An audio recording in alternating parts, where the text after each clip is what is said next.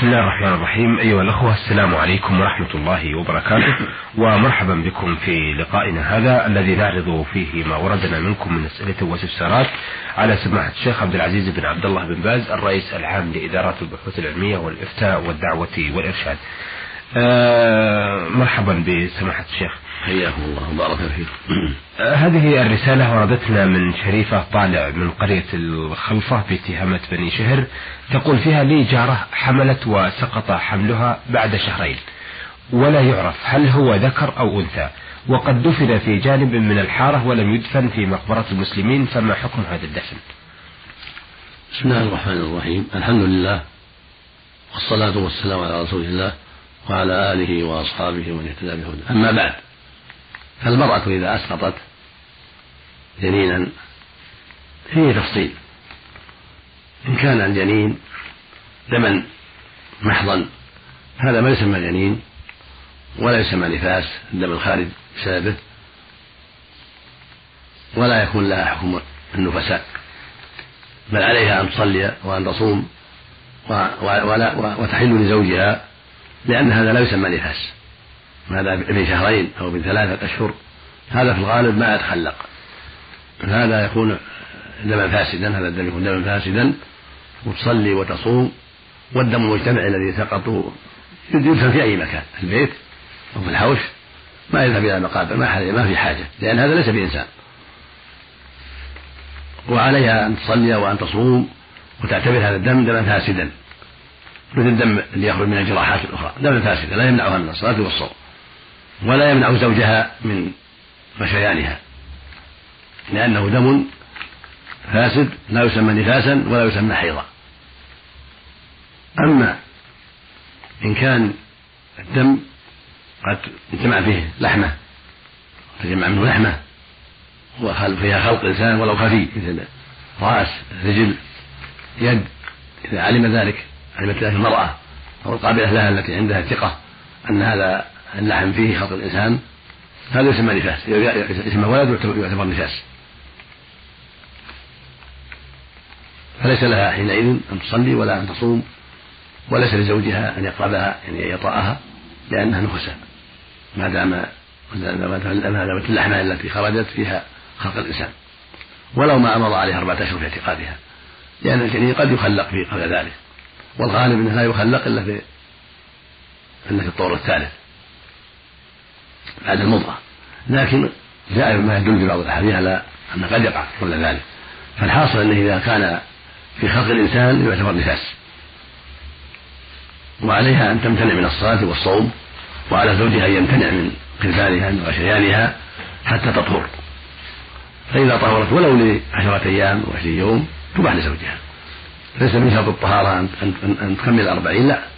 لو طهرت وهي بنت عشرين أو بنت ثلاثين فالطهارة صحيحة تصلي وتصوم وتهل لزوجها وليس للنفاس حد محدود. قبل أربعين يعني ليس لها حد محدود. لأن النساء يختلفن قد تطهر المرأة لشهر قد لخمسة وعشرين يوما خمسة وعشرين يوما قد تطهر لأقل من ذلك أو لأكثر من ذلك. كل هذا واقع. والحكم مناط بالطهارة انقطاع الدم ورؤية الطهارة.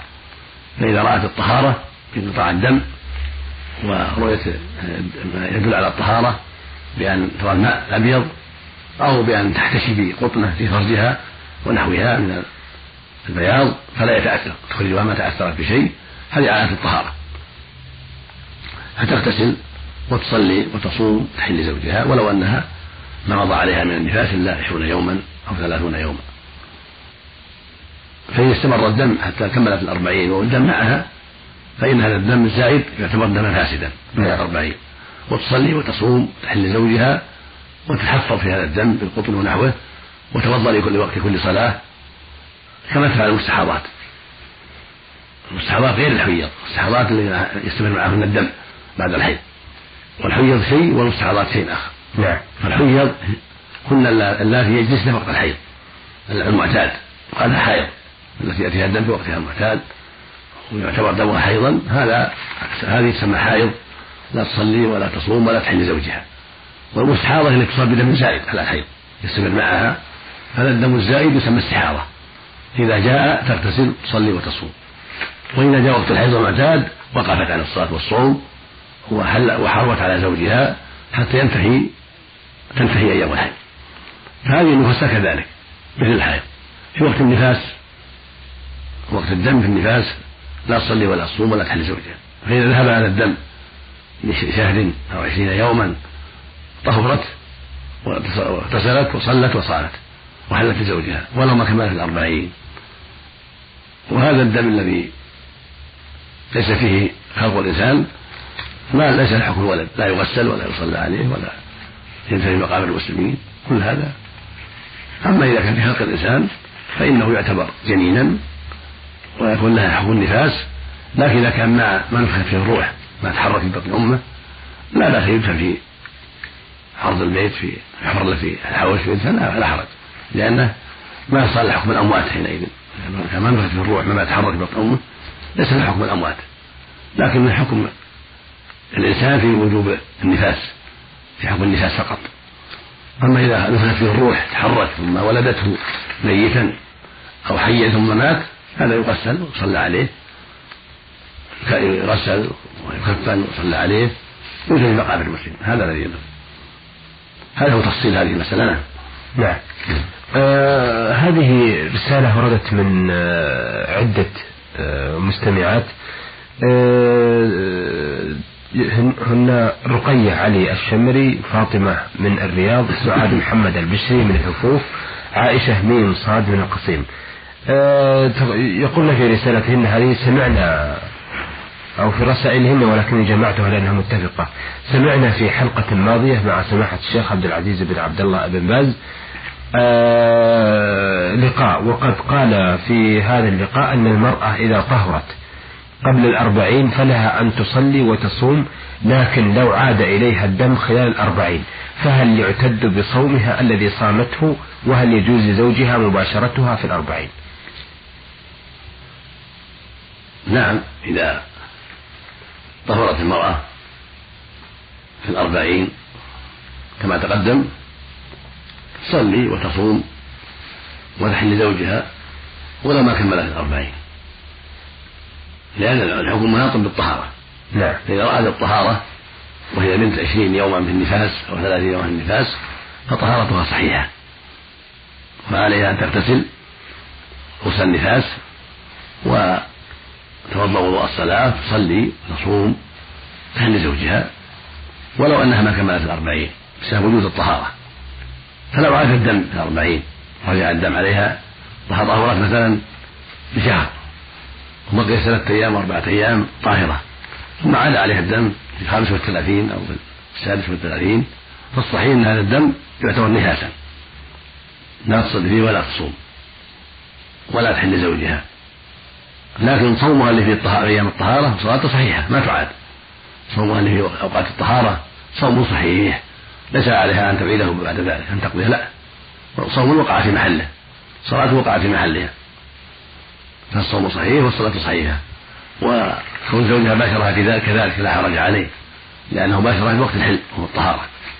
أما بعد رجوع الدم في الأربعين فإن هذا الدم الذي رجع قال بعض أهل العلم أنه مشكوك فيه. والصواب أنه ليس فيه بل وله نفاس يعتبر دم نفاس مثل الدم الذي يعود في وقت الحيض. فتصلي فلا تصلي ولا تصوم. فإذا مضى في الأربعون ولم ينقطع قد تقدم أن هذا الدم الزايد يعتبر دما فاسدا بعد الأربعين. تصلي وتصوم فيه وتعتبره دم استحاضة. عليها أن تحفظ فيه من القطن ونحوه وتوضأ لوقت كل صلاة. وتصلي الصلوات في أوقاتها أو تجمع بين الظهر والعصر والمغرب والعشاء لا بأس وتحل زوجها كما تقدم. وجاء بين الصلاتين الظهر والعصر والمغرب والعشاء أفضل المستحاضات ومن أفضل لهن مع ذلك يغتسلن الظهر والعصر غسلا واحدا والعشاء والمغرب والعشاء غسلا واحدا والفجر غسلا واحدا إذا تيسر ذلك كما أوصى به النبي صلى الله عليه وسلم بعض المستحاضات نعم. آه لكن آه إذا صامت مثلا آه مثلا عشرة أيام خلال الأربعين في رمضان ثم عاد عليها الدم خلال الأربعين. هل يعتد بصومها الذي نعم بينا نعم. صومها صحيح. نعم. يعتد بصومها هو صحيح ولا تقضيه. أحسنتم. لأنه وقع في وقت الطهارة. نعم. هو صوم صحيح. نعم. آه من المحتار والمشغول الضمير علي حسن الزهراني من الرياض وزارة الداخلية يقول أنا شاب عمري 23 سنة. ومتزوج ولله الحمد والشكر ولكن لدي موضوع وهي في الحقيقة مشكلة وهي على النحو التالي. أصلي جميع الفروض ما عدا صلاة الفجر فهي تفوتني كل صبح. إلا ما شاء الله تعالى وأنا في حيرة من أمري وقلق من هذه الحالة. آه التي أنا فيها ومشغول آه يقول أرجو أن أجد حلا لمشكلتي هذه. هذه المشكلة ليست لك وحدك بل معك فيها ناس كثير وشباب كثير وغير شباب أيضا. وهو التأخر عن صلاة الفجر. وله ولهذا أسباب. من أهمها ومن أخطرها السهر وعدم النوم المبكر. هذا هو السبب الوحيد الغالب على الناس يسهرون لمشاهدة التلفاز أو لأسباب أخرى. فإذا سقط في آخر الليل نائما عجز أن يقوم في آخر الليل حتى ولو كان عنده ساعة تنبه لا يسمعها. حتى ولو جاءه منبهون يعجزون عنه بسبب ثقل النوم وغلبته عليه. فالعلاج الوحيد لهذا الأمر مع سؤال الله التوفيق والإعانة العلاج الوحيد هو عدم السهر. أن ينام المؤمن مبكرا وأن لا يضر نفسه بمشاهدة التلفاز حتى يمضي عليه الليل الكثير أو يشتغل بأشياء أخرى من سماع أغاني أو سماع قيل وقال من أصحابه وزملائه أو موانع أخرى تمنعه من النوم المبكر وإذا عالج الأمر بهذه الطريقة إن شاء الله يسر أنت يا أيها السائل الواجب عليك أن لا تسهر وأن تنظر في الأسباب التي منعتك من القيام. فإن كانت الأسباب أنك تتأخر في النوم تسهر تتقي الله وبادر بالنوم في أول الليل. بعد صلاة العشاء بادر بالنوم حتى تستطيع القيام بصلاة الفجر وتصلي مع المسلمين في جماعة المسلمين. وهذا واجب عليه. والتساهل بهذا محرم ومن التشبه بالمنافقين يعني المنافقين لا يترك الصلاة إلا دبارا ولا يشهد العشاء والفجر. هذه من أعمالهم الخبيثة. فالواجب على المسلم أن يحذر مشابهة المنافقين وأن يجتهد في أداء فريضة الله في أوقاتها مع إخوان المسلمين. هذا كرجل والمرأة كذلك عليها أن تتقي الله وأن تجتهد في أداء الصلاة في وقتها بعد طلوع الفجر قبل الشمس. ولا يجوز أبدا لأحد من الناس أن يؤخرها بعد طلوع الشمس. كما يفعل بعض الناس. يؤخرها فإذا قام لعمله بعد طلوع الشمس صلى. هذا غلط عظيم منكر كبير. لا يجوز لا للرجل ولا المرأة ليس للرجل يؤخر ذلك حتى يقوم للدراسة وللعمل ثم يصلي بعد طلوع الشمس هذا لا يجوز هذا محرم. بل ذهب جمع من العلم إلى أن من فعله من فعله كفر. لأن تأخير الصلاة وقتها كفر إذا تعمد ذلك. لقول النبي صلى الله عليه وسلم العهد الذي بينه وبينه الصلاة فمن ترك فقد كفر. هكذا بعض الطالبات تؤخر الصلاة حتى تقوم للدراسة بعد طلوع الشمس وهذا أيضا منكر ولا يجوز. والواجب على جميع تقوى الله وعلى أهلهن التنبيه على آبائهن وأمهاتهن وعلى إخوانهن التنبيه على ذلك. وعلى آباء الشباب كذلك وأمهات الشباب. كل هذه أمور عظيمة يشترك فيها أهل البيت في إثمها إذا لم يتعاونوا على زوالها. والمسلم شيء واحد وأهل البيت شيء واحد يجب أن يتعاونوا في نصيحة المتخلف والأخذ على يديه حتى يستقيم على طاعة الله وأداء فرائضه. نعم. هذا هو الواجب على الجميع. فإن كان هناك أسباب أخرى غير السهر فالواجب عليك أن تعالجها وأن تنظر ما هي الأسباب. كان النوم يطلع عنك في أول الليل ما تنام فاسأل الأطباء لعل عندهم دواء يزيل عنك هذا القلق وهذا السهر ويحصل لك الراحة والطمأنينة حتى تنام. وإن كان هناك علل أخرى عالجها وإن كنت لا, لا ليس عندك من يوقظك فاجعل عندك الساعة المعروفة المنبهة. وركب خراج على الوقت المناسب الذي هو وقت الأذان أو قرب الأذان حتى تسمعها تستمع تسمع تسمعها وتقوم. على كل حال واجب العلاج. والعلاج لا يخفى على العاقل. العلاج واضح. تارة بالساعة تارة بالمنبهين تارة بعدم السهر. الواجب العلاج على الرجل والمرأة على جميع الناس على الشباب والشيب على البنات والعجائز على الجميع ليس هذا خاصا بأحد دون أحد.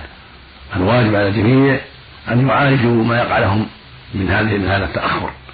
وأن ينظروا في الأسباب حتى تزال هذه الأسباب التي تقتضي التأخر حتى لا يصلي إلا بعد الشمس هذا منكر عظيم يجب أن يعالج, من ابتلي به الورع حتى يصلي الصلاة في وقتها مع الجماعة إن كان رجلا وحتى تصلي المرأة في بيتها في وقت في وقت قبل طلوع الشمس وأسأل الله للجميع الهداية والتوفيق. أحسنتم أثابكم الله. أيها السادة إلى هنا نأتي على نهاية لقائنا هذا الذي قدمنا فيه رسائل علي حسن الزهراني من الرياض وزارة الداخلية وشريفة طالع قرية الخلفة من تهمة بن شهر ورقية علي الشملي وفاطمة من الرياض وسعاد محمد البشري ورفيقتها آه، استعرضنا هذه الأسئلة والاستفسارات التي وردت في رسائلهم على سماحة الشيخ عبد العزيز بن عبد الله بن باز الرئيس العام لإدارات البحوث العلمية والإفتاء والدعوة والإرشاد. شكرا لسماحة الشيخ وشكرا لكم أيها الأخوة وإلى أن نلتقي نستودعكم الله والسلام عليكم ورحمة الله وبركاته.